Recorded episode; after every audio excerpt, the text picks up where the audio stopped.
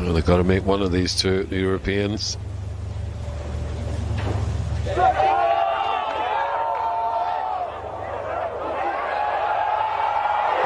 my goodness me. It never looked like it was getting there, but it's there. It's right in the middle. Look at Ram on the other side of the green. Goodness sake.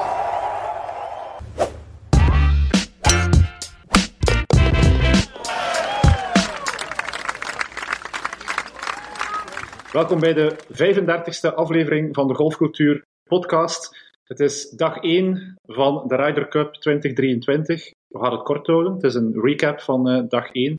Ik ga zelfs de timer inzetten, 15 minuten en go. Frederik Sja, hoe vaak hebben jullie aan het Romeinse Rijk gedacht vandaag?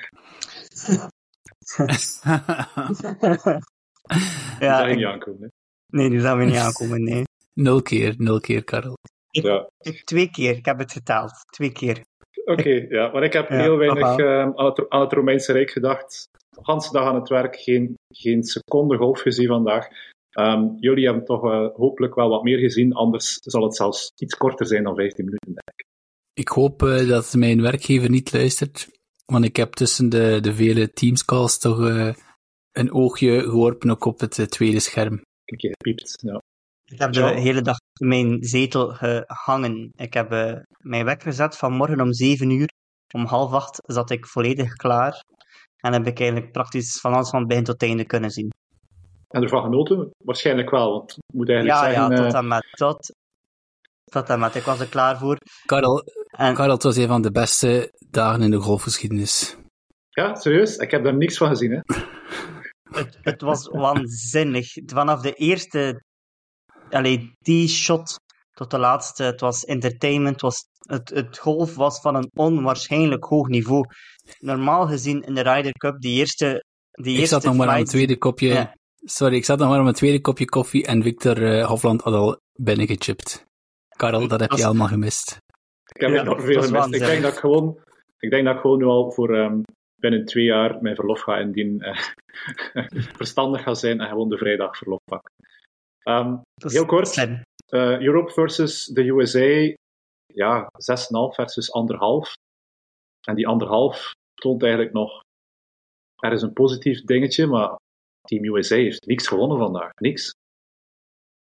Nee, dat is voor het eerst in de geschiedenis volgens mij. Ja, nee, no- no- nee, ja, nog nooit. Ik weet niet wat dat die Europeaan bij de ontbijt hem had. Volgens mij was het Quattro Stagioni. maar eh, dat was een volledige whitewash. Ze kwamen er niet aan te pas. De Amerikanen hebben in de morning eh foursomes geen ene keer voorgestaan in die wedstrijd. Geen ene, ze kwamen er niet aan te pas. Het was waanzinnig. Eh, Hoflandje is begonnen met een chip-in op hole 1. Eh, Raam heeft ook een chip-in gedaan voor een par save. Het was de enige score achter de andere slag. Het waren, alle acht spelers waren, in, waren deze morgen allemaal één voor één killers. Zelfs eh Sepp Straka, die niet bekend is voor een killer, heeft heel secuur gespeeld, heeft heel weinig gemist. Ze waren hot van in het begin. Was het enkel Team Europe, eh, Frederik, waar het aan lag? Of, of heeft Team US steken laten vallen?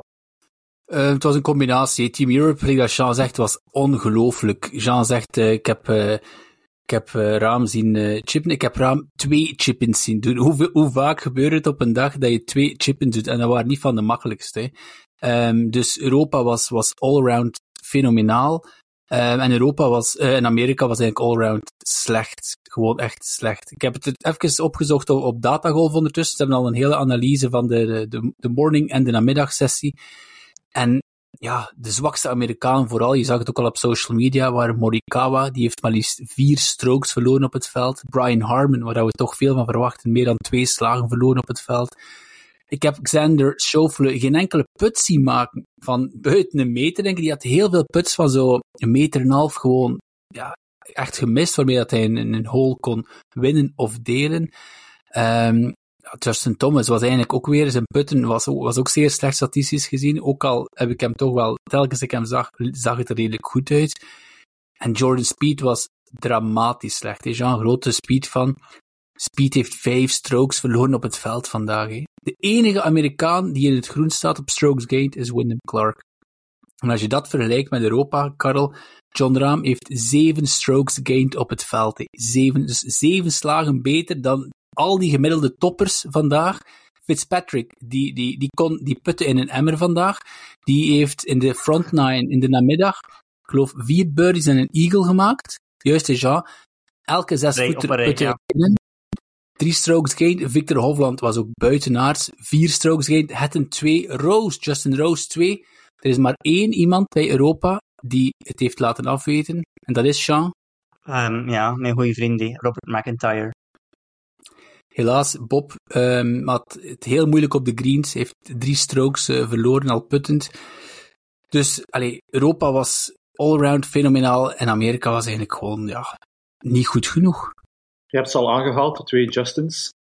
Wauw. Justin Rose en Justin Thomas. Ik wil misschien even beginnen met Justin Thomas. Want Justin Thomas werd aangekondigd als ehm, ja, het vriendje gaat mee ehm, van, de, van de captain van het, ja, van het clubje daar. Daar, wordt, eh, daar moet weinig van verwacht worden, want Justin Thomas is eh, ja, totaal niet in vorm. Eh, waarom komt hij eigenlijk mee? En eigenlijk vandaag was hij een van de betere, mag ik dat zo zeggen? Want hij heeft ook een half punt binnengebracht. Ja, ik vond ook dat hij er niet slecht uitzag, Jean? Want het is, eigenlijk vooral Speed die heel, heel slecht was aan zijn zijde. Want had Speed beter geweest, dan dat dat, dat team, ja, hadden zij dat, dat punt kunnen winnen, denk ik. Ja, dat klopt, dat klopt. Maar in het begin van de match had ik Speed, ehm, hij had de green side gemist. Ook op hol 1 of hol 2 dacht ik. Hij had een verschrikkelijke ligging in die eh, eh, gigantisch hoge ruf. Maar hij doet daar wel een chip in. Maar dat is denk ik dan het eerste ho enigste hoogtepunt van zijn dag. Eh, want ja, vandaag was Jordan nergens. Hij zou gaan Rose. bezoeken morgen, ja. En dan ook Justin Rose. Justin Rose aan Team Europe eh, natuurlijk. Ander verhaal. Eh, Ja, ik heb de, de finale gezien, ja, hol 18. Wat een, wat een uitbarsting.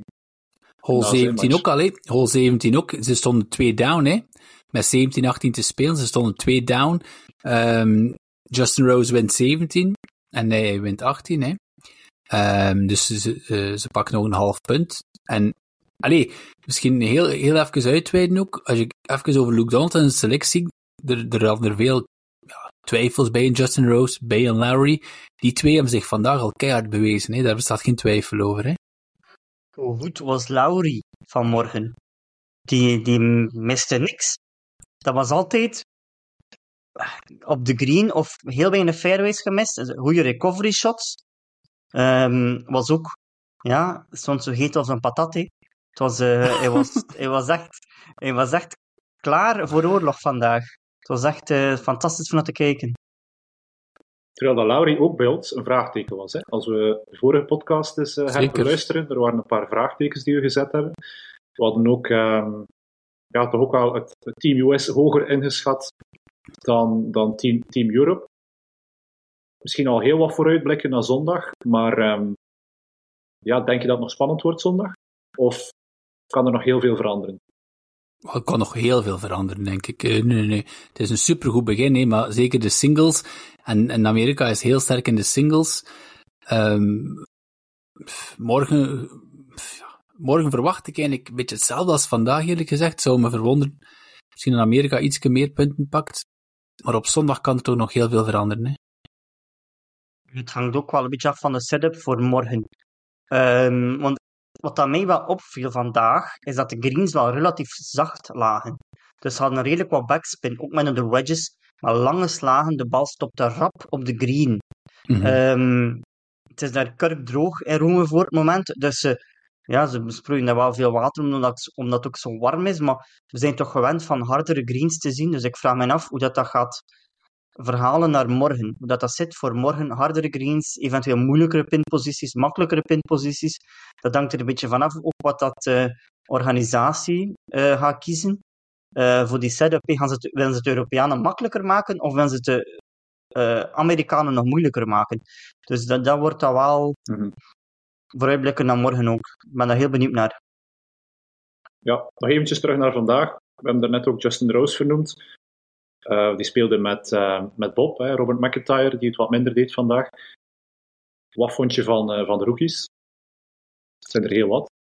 Ja, Um, Sepp Straka was er ook eentje. Ludwig Aberg was er ook eentje. Ludwig Aberg is gepaard geweest vanmorgen met onze vriend Victor Hofland.